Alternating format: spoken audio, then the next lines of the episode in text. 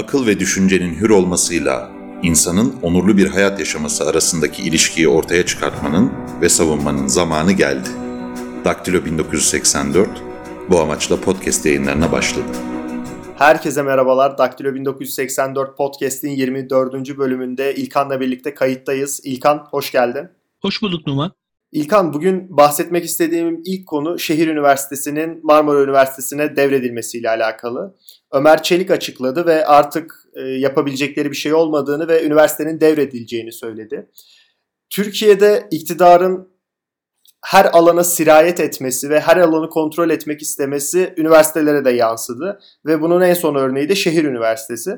Bu şehir üniversitesi kararı sana ne düşündürdü? Türkiye'de kontrol edilemeyen bir tane üniversite olması bile e, bu insanların istediği bir şey değil. Şu an şehir üniversitesi Marmara Üniversitesi'ne devredilecek ve bundan sonra muhtemelen yönetim kurulu değişecek. Sen ne düşünüyorsun bu kararla ilgili? Numan, e, hatırlarsan e, geç, geçtiğimiz yıllarda sık sık kültürel iktidar, kültürel iktidar meselesini konuşmuştuk. Aslında şu an hükümetimiz şunu gösteriyor. Kültürel iktidara karşı kendince yaptığı yeni bir kültürel yani karşıt bir iktidar, alternatif bir kültürel iktidar kurma hamlelerini iktidar aslında başaramıyor. Ama bazı şeyleri başarıyor. Neyi başarıyor? Yıkmayı başarıyor şu anda. Yani e, üniversitenin otoritesinin üzerine yeni bir otorite inşa edemedi. Ama üniversitenin otoritesini yıkmayı başardı. Atıyorum medyanın, merkez medyanın ötesinde daha güçlü bir merkez medya inşa edemedi ama merkez medyayı yıkmayı başardı. Hükümetin kurucu olmaktan ziyade yıkıcı bir gücü var Numan Türkiye'de. Yani e, Türkiye'de düşünelim belli bir kültürel çevreler hakikaten belli kurumlarda, belli e, yerlerde etkinlerdi. Bunların etkinlikleri kırıldı mı? Kırıldı. Ama ortada ne var? Hiçbir şey yok şu an Türkiye'de. Yani şehir üniversitesinin başına geldiğinde de biraz öyle görüyorum ben. Şehir üniversitesi kuruluş itibariyle AK Parti'nin, AK Parti elitlerinin alternatif bir kültürel iktidar kurma çabalarının, o iddialarının sonucuydu. Ama tabii ister istemez şöyle bir şey ortaya çıkıyor. Öyle bir çaba iste bir doğası gereği belli bir özelliği de içermek zorunda. Tabii ki şu anki mevcut iktidarın herhangi bir yapıya zerre özellik verebileceğini düşünmemiz hayalcilik olur. Şehir Üniversitesi'nin başına gelenler de bunlar. Çünkü Şehir Üniversitesi muhtemelen maddi hatalar yapmıştır. Muhtemelen eksiktir, muhtemelen yanlıştır vesaire. Ama Türkiye'deki genel hayata baktığımız zaman açık konuşalım.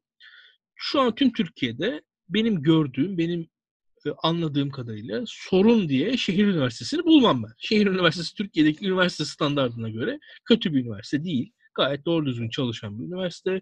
Şehir üniversitesinde çalışan insanlar, şehir üniversitesinde öğrenci kalitesi, hoca kalitesi Türkiye standartının üzerinde. Belli bir iddiası vardı.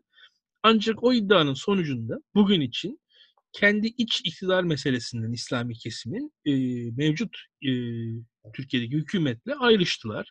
Mevcut hükümetin düz yandaşı olmama durumuna geçtiler. O andan itibaren zaten şehir üniversitesi yalnızlaştı.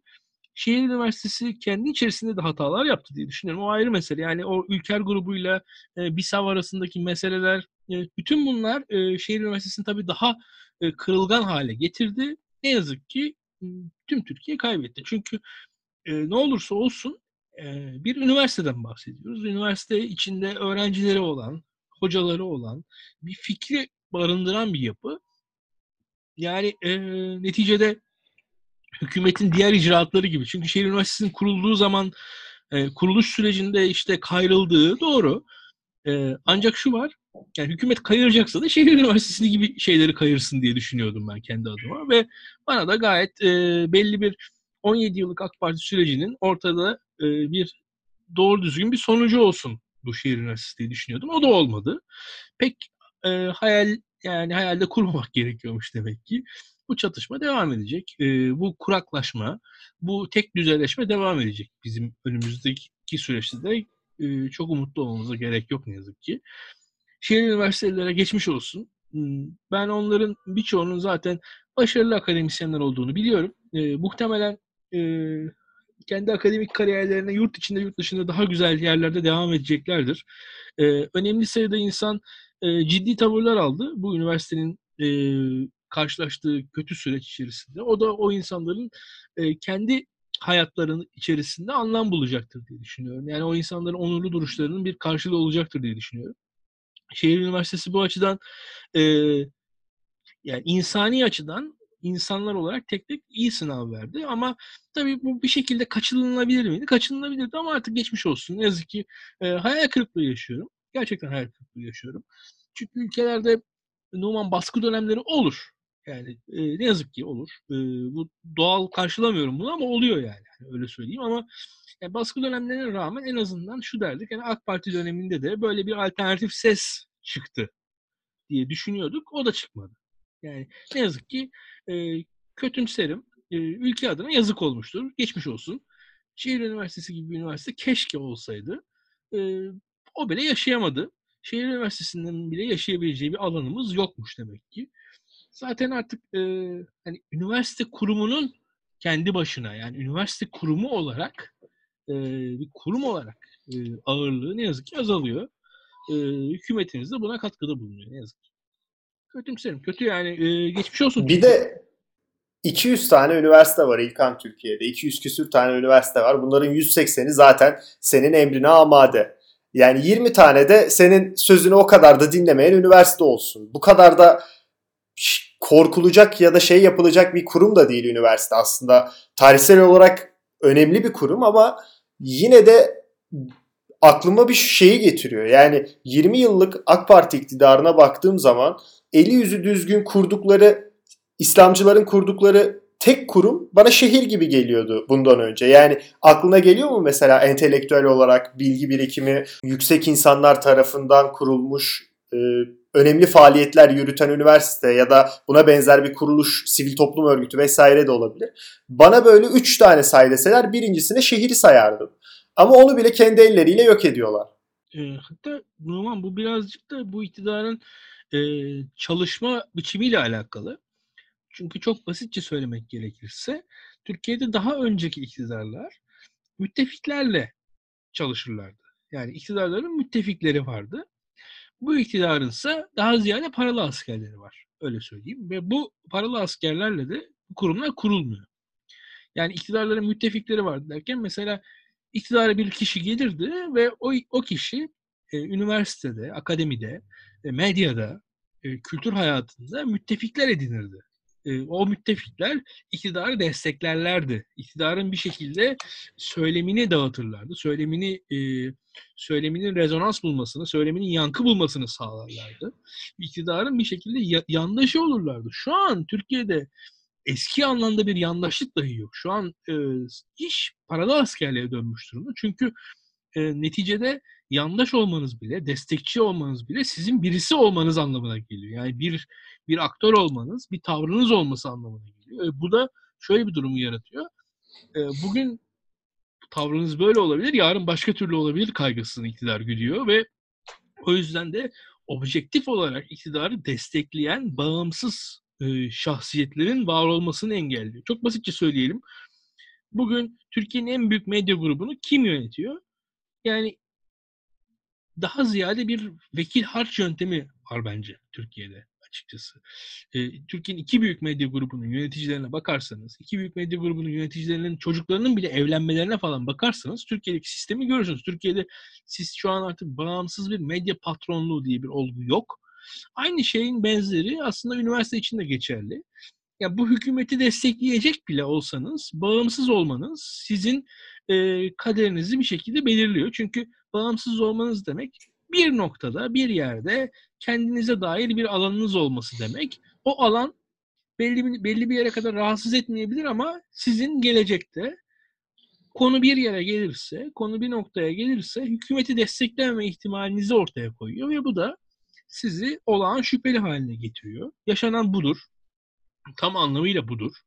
Yani çünkü Türkiye'de kimlerin ne vergi borçları iptal edildi. Şehir Üniversitesi yaşatılmak istense yaşatılırdı. Yani Şehir Üniversitesi'nin e, hataları, geçmişleri falan anlatılıyor bana. Doğrudur da Şehir Üniversitesi'ne yani bir hata varsa Türkiye'deki diğer üniversiteler böyle teknik olarak şahane işliyorlar. Tıkır tıkır makine düzeniyle her şey kurala kanuna uygun gidiyor da Türkiye'de şehir üniversitesi bozuk? Bana yani şimdi gülüyoruz yani hakikaten böyle. Ya oradaki insanları da biliyorum. Oradaki e, şu an e, şehir üniversitesi gayet bir şekilde e, stigma üzerine işlenmemiş olsa gayet güzel bir şekilde belli bir uzun vadeli bir kredi alınır, bir şey yapılır, belli bir e, rahatlık verilir. E, devlet tarafından bazı şeyler görmezden gelinir. Belli bir öğrenci sayısıyla o sistem yürür, yürütülebilir. Çok yürütülememesinin e, için bir sebep yok aslında. Çünkü ne ne okullar yürüyor, ne okullar yani bu okullarda biz yaşıyoruz, bu okullarda okuyoruz, bu okullarda arkadaşlarımız çalışıyor. Yani o kadar amatör yerler bir şekilde ayakta kalıyor ki e, şehir mi kalmayacak diye insan düşünüyor. Gerçekten e, komik yani ben oradaki eleştirileri falan da yani eleştiriler doğru olduğu için zaten ciddiye almıyorum. Çünkü diğer üniversitelerin halini biliyoruz. Diğer üniversiteler daha da kötü. Yani Türkiye'de hani vakıf üniversitelerinin e, ne kadarı kurumsal yani 4-5 tane vakıf üniversitesinden sonra gelen üniversitelerin kurumsallık seviyelerine falan konuşursak zaten e, başka şeyler konuşmamız lazım. O da ayrı bir konu yani Türkiye'de. Hani onu da ileride konuşuruz belki hatta. Haklısın, haklısın. İlkan bu paralı asker e, diye tanımlamandan bir yere geçmek istiyorum ben. O da şu. Geçtiğimiz günlerde AK Parti milletvekilleri baca filtreleriyle ilgili bir yasa teklifi verdiler ve, ve bu yasayı kendileri onayladılar. Ardından Cumhurbaşkanı bu yasa teklifini reddetti. Bunun sonrasında teklifi veren milletvekilleri Cumhurbaşkanının halk sağlığını düşünerek bu teklifi reddetmesini övmeye başladılar. Ben açıkçası bunu distopik bir durum olarak değerlendiriyorum. Meclisin özelliği ve milletvekilliği mesleğinde göz önünde bulundurduğunda sen bu konuyla alakalı neler söylemek istersin? Ee, bir defa Sayın Cumhurbaşkanımız e, Cumhurbaşkanlığı görevine gelmesinden bu yana ilk defa veto kararını kullandı. Veto hakkını kullandı. E, hayırlı uğurlu olsun diyelim. e, Türkiye'de e, bir defa bir ilk yaşandı. Tebrik ediyoruz kendisini ve devamını diliyoruz. E, bir e, Türkiye'de check and balance sisteminin çalıştığını esasında çalışmadığını görmüş olduk çok basitçe söylemek gerekirse Numan. Yani e, bu çok ağır bir durum. Çok e, vahim bir durum. Bu işin bir defa kendisi vahim.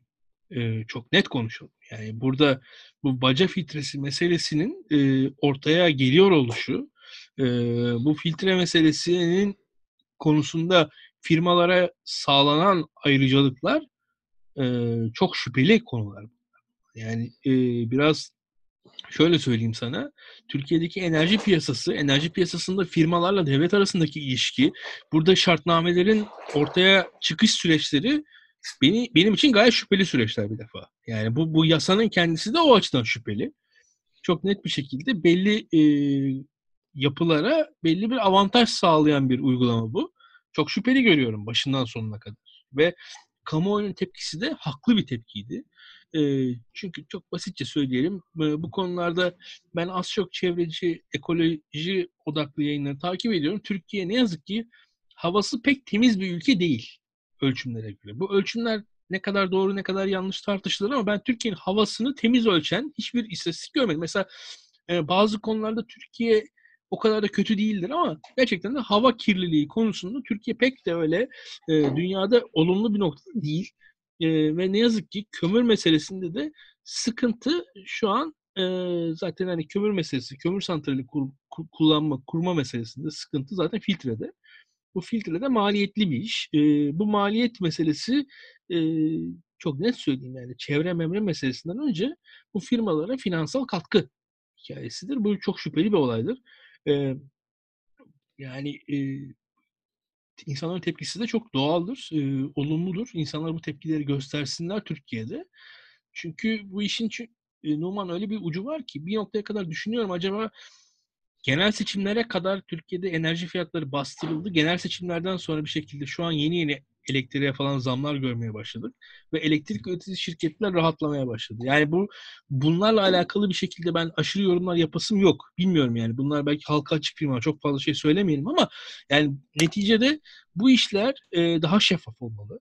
İnsanların tepkileri olumlu e, ve bence umarım tepkileri sürekli olur. E, bu tepkileri sürekli olur derken Numan e, sürekli insanlar bu konuyu takip ederler. Yani takipçisi olur insanlar diyor umuyorum. Yani sürekli tepki göstermelerine gerek yok ama sürekli tepki e, takip etmelerine gerek var bence.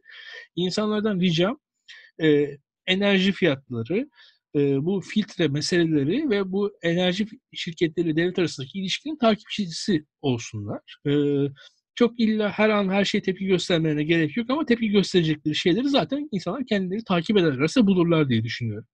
E, bu mesele önemli çünkü e, enerjide kapasite kullanımı, kapasite kullanım oranları vesaire bu konulara girdiğiniz zaman zaten bazı şeyleri görüyorsunuz. E, hangi yatırım doğru, hangi yatırım yanlış. İnsanların bakışı da değişebilir zaman içerisinde diye düşünüyorum. Bu konuları iyi takip etmek gerekiyor. Türkiye'nin e, Numan bir de şöyle bir durum var. Hani ekonomi e, yavaşladığı için aslında enerji yatırımının bir aciliyeti şu an Türkiye'de çok kalmadı e, eskisi kadar. Yani ekonominin e, yani bir de şöyle bir durum var. Mesela biz 2023 hedeflerini yayınladık mesela. 2023 hedeflerinde Türkiye 20 bin dolarlık ekonomi oluyordu ya.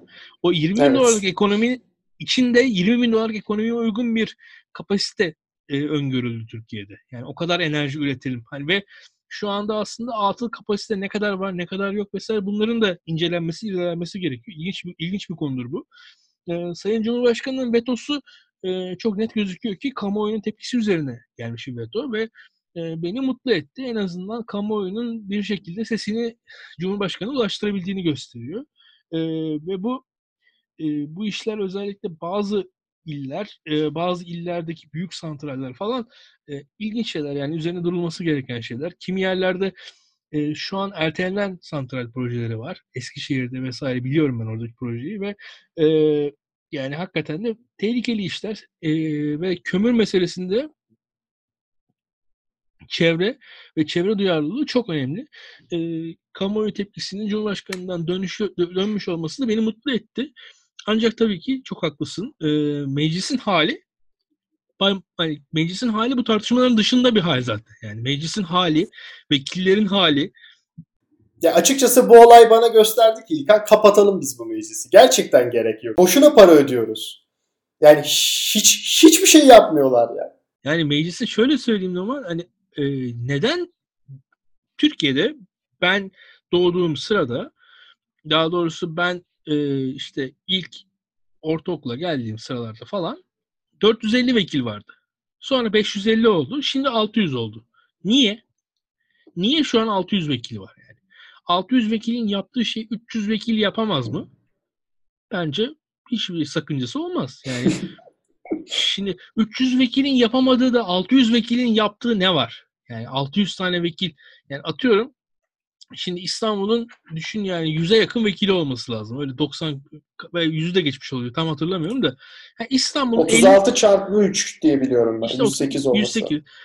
İstanbul'un 50 vekili olsa İstanbul'a yetmeyecek mi acaba diye düşünüyorum mesela. Yani bu kadar insan yüzlerce kişi ya yüzlerce vekil düşün mesela hepsi böyle İstanbul'da hizmet aşkıyla dolaşıyor her yere gidiyor sokak sokak yani hakikaten bana e, ciddi bir kaynak israfı olarak geliyor. Bu vekiller var vekillerin yani e, şey de değil hmm, israf derken e, atalet yaratan bir yapı olduğunu düşünüyorum bir noktada işin. Çünkü bu kadar insan, bu kadar araba, bu kadar şey hani para harcansın. Muhtemelen hani daha çok para olsun, daha çok para harcansın. Ben o kadar tasarrufçu bir insan değilimdir bu konularda ama bu kadar sayı fazlalığının kendisinin bir atalet yarattığını düşünüyorum. Aksine e, verimlilikten ziyade bir noktada. 600 vekilin en azından şu mesele yani 600 vekil olur belki ya yani çift, çift meclis olsa 600 vekilin 200 tanesi başka bir şeyle uğraşsa 400 tanesi başka bir şeyle uğraşsa daha bir anlamlı olur ki dediğin şey çok doğru. Şu anda artık vekillerin ne iş yaptıkları, ne yapmak istedikleri belli değil ve hani adamlara da hak veriyorum bir yerden sonra. E, bir tane danışman tutuyorlar. E, bir Twitter hesabı açılıyor. E, amatör e, Twitter trolü gibi takılan vekillerimiz var. E, haklılar da yapacak bir şey yok. Yani çok bir ekstra bir durum yok. Yeni sistemde zaten bir mercimer var. E, vekillerin işlerini o bir mercimer devraldı. E, daha önce konuştuk bunları. E, vekillik meselesi gerçekten şüpheli bir hale geldi. Ha, burada e, en azından bir defa sistemin işlediğini gördük. Ki bakalım yani e, çok da bu arada şey var. Takipçi olalım, takipçisi olalım derken şundan şunu da kastediyorum. Yeni yasanın yeni halinden de çok mutlu ol- olacak mıyız emin değilim onu da söyleyeyim. Yani bu veto geldi ama e, bakalım görelim yani nasıl bir şeyle karşılaşacağız. Ondan sonra sevinelim yani. Bir noktada takipçi olmaya, takipçisi olmaya yasanın devam edelim. E, vekiller dediğin gibi e, şu an gerçek bir iktidar sahibi değiller. Zaten eskisi kadar bile değiller. Hani eskiden ne kadarlarda o da şüpheli ama şu an çok bir e, karşılıkları, anlamları yok bu insanların. Anlamları varmış gibi yapıyorlar. Kendilerince bir gün yaşadılar. Şu an yasa tekrar geldiği anda muhtemelen e, mecliste kendilerini birazcık daha önemli hissedecekler. E, bu konu konuşulurken işte bir noktada muhtemelen bürokratlara falan atılacak bir hata diye tahmin ediyorum. E, ancak beraberce takipçisi olalım bu yasanın, yasaların e, ve genelde bu şartname meselesinin çünkü Türkiye'de şeydir e, mesela insanlar hırsız mırsız falan derler. E, bu iş öyle direkt para çalarak falan olmaz. E, ama özellikle şartnamelerin e, bu tarz e, ekolojik konulardaki e, kısıtlamaların değiştirilmesinin falan takipçisi olunması gerekiyor. E, bazı konularda mesela e, atıyorum arıtma sistemi kurduğunuz zaman onun maliyeti var. O arıtma sistemi mesela bozuldu diyorsunuz. O bozukluk tamir etmektense bozuk olarak kalmaya devam ediyor ve bozuk olarak kal- kalması tasarruf ediyorsunuz. Mesela öyle şeyler var. Onları zaten zaten uygulamanın içerisinde olanlar biliyorlar. Ee, biraz bu iyi takip edilirse birçok şey görülür, anlaşılır diye düşünüyorum. Ee, tabii umarım çevremize, ekolojik sistemimize daha e, değer veririz. Ne diyelim? İlkan son olarak bahsetmek istediğim konu Ali Babacan'ın kamuoyunda uyandırdığı tepkiler ve bunun üstüne çıkan işte Cem Muzan gibi eski Türkiye figürlerinin açıklamaları. Ee, önce seninle birlikte geçen hafta konuştuk zaten Ali Babacan'ın açıklamalarını ama ekstra olarak kamuoyunda e, benim beklemediğim kadar tepki uyandırdı. Bunun sebebi işte YouTube'dan programın izlenme sayılarını görebilirsiniz vesaire. E, bu kadar aslında büyük bir talep olduğunu ben bilmiyordum Babacan'a karşı. Ardından e, işte Cem Uzan bir açıklama yaptı Twitter hesabından. İşte geçtiğimiz zamanlarda Temmuz ayında Erkan Mumcu'nun bir açıklaması var. Böyle Türkiye siyasetinde eski figürler bir anda gündem olmaya başladı. Sen genel olarak hem Ali Babacan özelinde hem de bu eski figürlerin bir anda ortaya çıkmasında e, ne görüyorsun? Nasıl bir süreç var aslında bunların arkasında? E, Numan e, çok ilginç bir süreç var Türkiye'de. E, Türkiye'de Numan bir iktidar var. Bu iktidarın tabii ki öncüsü tartışmasız lider Recep Tayyip Erdoğan. Ancak Türkiye'deki iktidar Recep Tayyip Erdoğan'ın şahsından ibaret de değil birazcık daha gerçekçi olmak gerekiyor. Yani AK Parti iktidarda, Milliyetçi Hareket Partisi ve onun bürokratik kesimi bir şekilde iktidarın bir yanında. E, her ne kadar e, kendisini garip bir yerde konulmasa da Vatan Partisi ve Vatan Partisi'nde kendini gören bir bürokratik kesimle iktidara yakın durmaya çalışıyor. Öyle söyleyeyim ve bunun e, kimi yansımaları özellikle hani diyelim entelijansı içerisinde e, işte Metin Feyzioğlu vesaire iktidara yakın pozisyon almış durumdalar. Burada e, bazı figürler e, Türkiye'de yerini doğru oturtmamız gereken figürler diye düşünüyorum. Biraz e, üzerine açacağım bunun. Türkiye'de bir defa bir meselemiz var bizim. Siyaset siyasetçilerle yapılabiliyor. Dışarıdan e, serseri mayın gibi diyelim veyahut da e, köksüz bir yeni figürün ortaya çıkmasına şu an Türkiye'nin şartları pek e, imkan tanımıyor Numan. Yani Türkiye'de siz medyaya çıkmak için e, bir şey olmanız gerekiyor ki medyaya çıkabilirsiniz. Yani zaten birisi olmanız gerekiyor ve e, medyanın kanallarının sıkışık olduğu dönemlerde zaten e, bu kolay kolay yine başka birisi bir medya figürü olarak bir konuşulan sözü olan insan olarak öne çok çıkamıyorsunuz. Türkiye şartlarında. Bu da e, bizi sıkıntıya, sıkışıklığa götürüyor. Ne oluyor? Mevcut olan figürler arasından birileri tekrar cilalanıyor, parlatılıyor veya öne çıkartılıyor. Böyle olması gerekiyor. Çünkü başka bir şey yok elimizde. Yani diyelim e, X kişisi şimdiye kadar tanınmamış, 40 yaşında, genç, başarılı falan. Bunun politik bir figür, bu kişinin politik figür olmasına şu an yollar kapalı Türkiye'de. Bu yüzden de mevcut politik figürlerden e, henüz iktidarda olmayanlardan birilerinin çıkıp tavır alması bekleniyor Türkiye'de.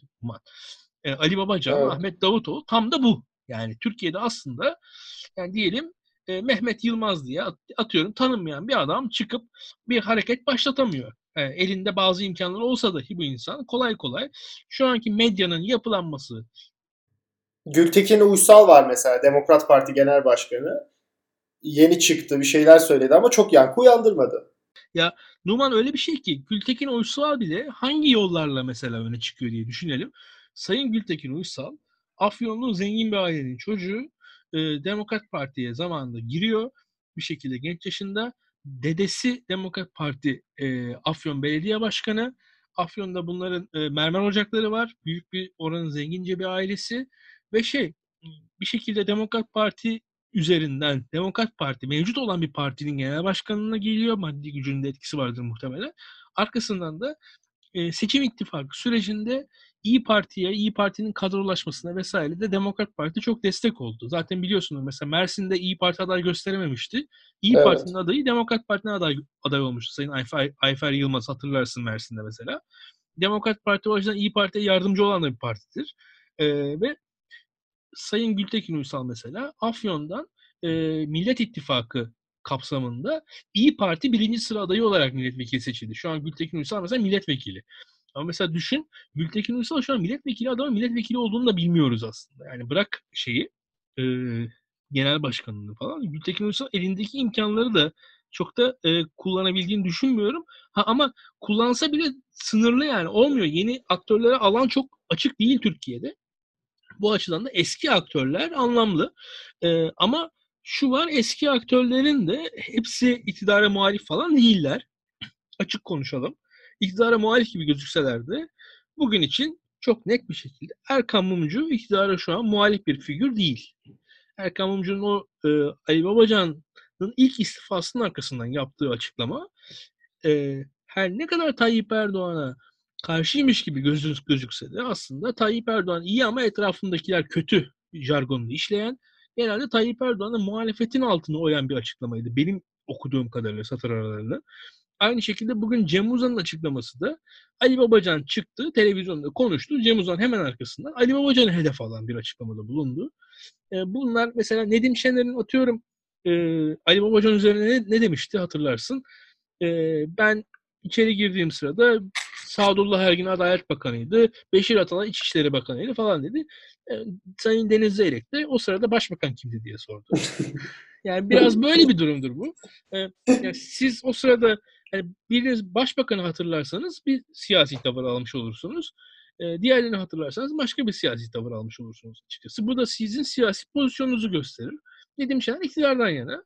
İşte mesela Deniz Zeyrek iktidardan yana değil gibi çok net bir şekilde. Bunu yani bir analiz kolaylığı olarak söylüyorum. Aynı şekilde mesela şu an için Erkan Mumcu iktidardan yana Oda TV'nin röportaj yaptığı veyahut da Cem Uzan şu an hareketi, ortaya çıkışı iktidardan yana bir e, hareketlenmedir.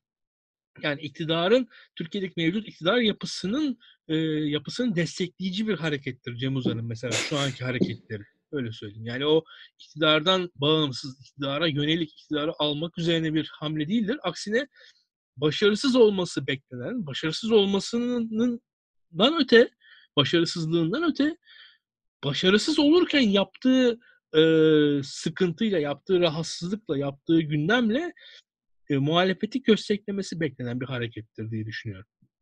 İlkan çok teşekkür ediyorum katkıların için. 24. bölümün sonuna geldik. Ben teşekkür ederim Numan. Daktilo 1984'ü desteklemek isterseniz açıklamada patron hesabımızın linkini bulabilirsiniz. Aynı zamanda çeşitli yazılar hakkında bilgi sahibi olmak isterseniz Daktilo 1984'ün web sitesine gidebilirsiniz. Bizi dinlediğiniz için teşekkürler. İyi günler. Hoşçakalın.